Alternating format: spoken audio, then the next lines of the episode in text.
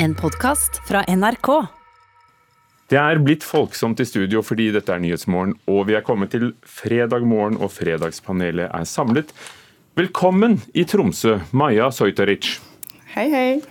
Kommentator og kritiker i Nordlys, gratulerer med ny jobb. Hvor lenge har du, har du vært kommentator der? Tre dager. Velkommen. Da, da vi, vi, hiver deg ut i det. Stein Olav Henriksen, direktør for Munch, som dere kaller Munch-museet nå. God morgen. 22.10 er den nye åpningsdatoen. Den er du sikker på? Vi har ikke hatt noen åpningsdato før, så det, sånn sett, den er både ny, men den kommer til å stå. Den står. Mathilde Fasting, siviløkonom og idéhistoriker i Civita. Har du tenkt nye tanker i det siste? Ja. Alltid. Alltid. Joakim Triers nyeste film 'Verdens verste menneske' er plukket ut til hovedkonkurransen på filmfestivalen i Cannes, hvor den får verdenspremiere, og det skjer i juli i år. Helt ærlig, dette høres ikke litt teit ut, men konkurransebiten er ikke det viktigste. Altså. Det viktigste for oss er å få gode distributører, få den ut på kino til folk flest i mange land. Det er det vi sikter mot. Og Hvis det skulle komme en pris, så er vi glad for det, men det å bli valgt ut er foreløpig nok. altså.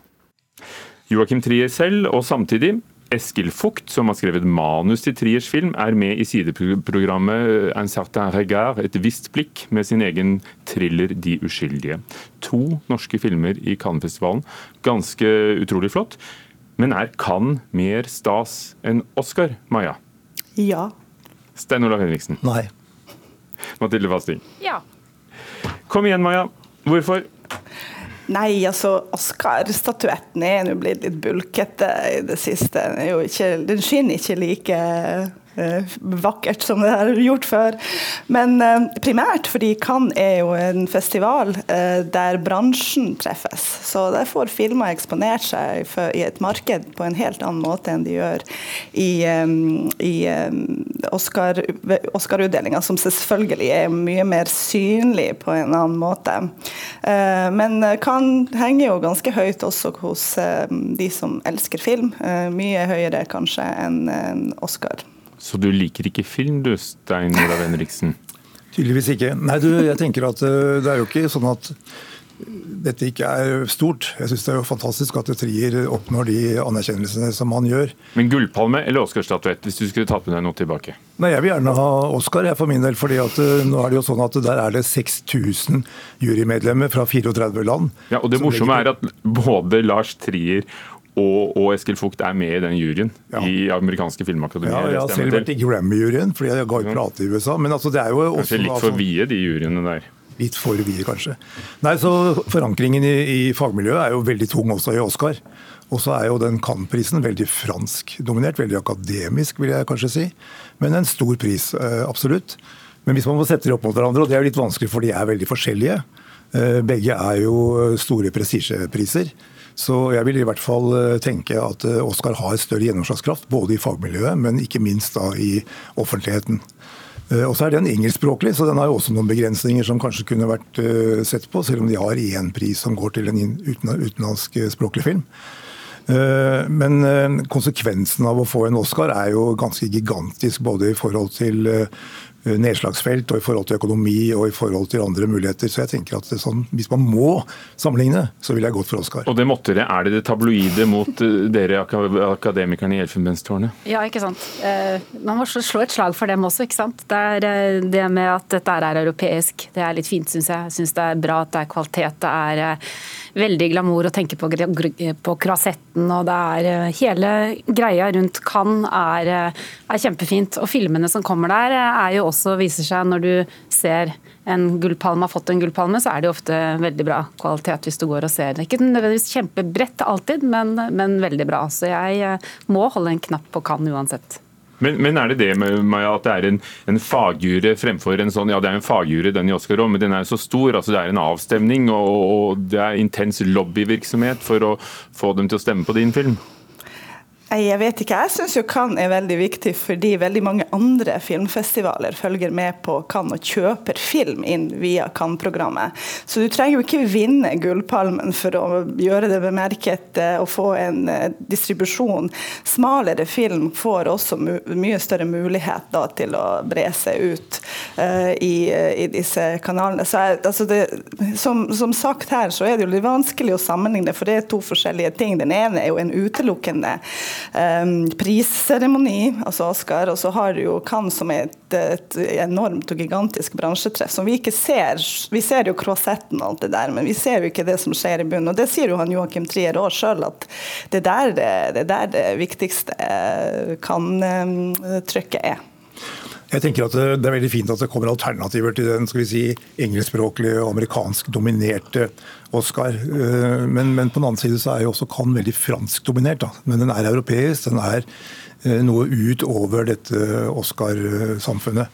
Og Tarantino elsker å være der. Ja, ikke sant? Og mange andre amerikanere. Ja, Det er jo fullt av folk i Cannes i over en uke. Nå er den forskjøvet litt, men det kommer til å være Det er liksom fullt av filmfolk absolutt overalt. Ikke bare inne i dette store palasset som er et eget hus for filmfestivalen, som er bygget nede på Croisetten. Oscar er en pris, og Cannes er jo også en festival. Det er jo vidt, vidt forskjellige kan du si, ting. Dronning Sonja åpner galleri i Oslo, med bilder av vinnerne av dronning Sonjas vel etablerte grafikkpris til salgs. Og pengene skal gå til Dronningens stiftelse, som deler ut stipend til kunstnere. Dette sa hun selv da hun ble intervjuet av Ole Torp. Så hvorfor skal dronningen av Norge starte et kommersielt galleri? Det er jo for å bygge opp vår eh, selvfølgelig egenkapital. Ja. For igjen å kunne hjelpe flere kunstnere. Så det skal tilbake som stipender? Absolutt. Absolutt. Det skal det. Dronning Sonja har et problematisk kunstengasjement, skrev Aftenpostens kommentator Frank Rossevik denne uken. Og viser hvordan hun har bygd seg opp makt på kunstfeltet med sine innkjøp, sin smak, sin pris og nå sitt galleri. Er det riktig av en dronning å starte galleri? Stein Olav Henriksen? Ja. Mathilde? Nei. Maja? Ja. Kom igjen, Mathilde. Du hørte vel kanskje stikkordet til Torps, i Torps spørsmål der. Eh, han sa kommersielt. Eh, hun sa selvfølgelig tilbake at eh, det skal, bildene eller grafikken skal selges, men pengene skal gå tilbake igjen til å støtte kunstnere. Altså et helt fint fin ambisjon. til stipender for til stipender, ja, Hun trakk bitte lite grann på det da hun fikk det spørsmålet, hørte jeg på, på sendingen her. Men jeg mener at det er vanskelig når du har I rollen hennes så gjør hun mange forskjellige ting. Hun er eh, selvfølgelig dronning, og her sånn så beveger hun seg akkurat over denne grensen som vi ikke vet om befinner seg akkurat ved å starte galleri, men eh, hvor det er en veldig fin linje mellom det å være engasjert, være interessert i kunst, gjøre alt det andre hun gjør, og det å begynne å selge kunst i et galleri. Stein, som museumssjef så er du, er du selv en maktperson i kunstverdenen? Absolutt. Jeg vil jo si at jeg liker å snu det over på at du har tillit. Du har, hvis ikke du har tillit, så har du jo heller ikke makt i den posisjonen jeg er i. har Sonja tillit som, som i kunstfeltet? Hva sa du? Har dronningen tillit i kunstfeltet, vil du si? Altså, jeg tenker det at i det, i det, spørsmålet her, så tenker jeg at det Frank Rossavik har vært opptatt av, det er jo dette med, med Slottets rolle og posisjon og, og, den uavhengighet i forhold til politikk og andre maktforhold. Der har han jo etter min oppfatning en prinsipiell poeng som, som, man godt kan hensynta. Men så er jeg litt usikker på hvor mye man skal insistere på det prinsipielle her. fordi at For det første da, så er jo ikke det eh, dronningen holder på med kommersielt, det er jo et ideelt foretak. Men eh, når det er sagt, så tenker jeg også at oppsiden av dronningens engasjement for kunst i Norge, med hensyn til både bredde, forankring, interesse, er mye større enn den nedsiden representerer at dronningen er på det Eh, det området, eller på det feltet. Eh, så at den verdien av det tenker jeg er, er veldig stor og veldig bra. Eh, og så trekker hun i tillegg fram mange kunstnere. Og det er jo mange priser, og det gjør at vi får en, en bredde i dette. Og så er det selvfølgelig sider ved det man kunne gått enda tentere inn på. Kast deg på, Maja Søyteric. Hei, hei. Ja, jeg kan gjøre det. Eh, jeg tenker det er litt sånn der med, eh, med de her kongelige. De er jo institusjoner, og de har jo vært kunstinstitusjoner gjennom tidene. altså Gud hjelpe meg hvor mange helstebilder som henger på rundt omkring på diverse slott. Så jeg syns det er jo fra et prinsipielt standpunkt så er det jo veldig viktig at vi har mange flere institusjoner i Norge som kan løfte smale kunstfelt. Det er jo det vil bare sivilisere oss enda mer. Så jeg tenker at det som er her, den store utfordringa er jo det, det, som er snakk om maktforskyvning, men samtidig så er jo det grafiske feltet et smalt felt som trenger å løftes opp. og de frie kunstnerne som ikke er tilknytta en institusjon, trenger også en mulighet til å bli løfta opp. Så alle eh, mulige måter det kan skje på, skal jeg applaudere. Jeg skulle bare si at, at, Selvfølgelig så er det sånn at personer med makt og penger i all tid har kjøpt kunst. og Det er ikke problemet her, det gjør dronningen også. Det står Men nå selger hun det. Ikke sant? Det er en liten forskjell, og det er derfor eh, det kan være verdt å svare nei på spørsmålet. Men jeg tenker at det er så mange aktører i kunstfeltet Eh, slik at dette med at hennes eh, interesse her og hennes preferanser skulle ha stor makt eller stor eh, konsekvens, det kan jeg egentlig ikke se for meg i vårt landskap. Det vi trenger i kunstfeltet, er jo mer synlighet. Det å kunne få større interesse, at folk forstår hvor viktig kunst er for samfunnsutviklingen og for individet.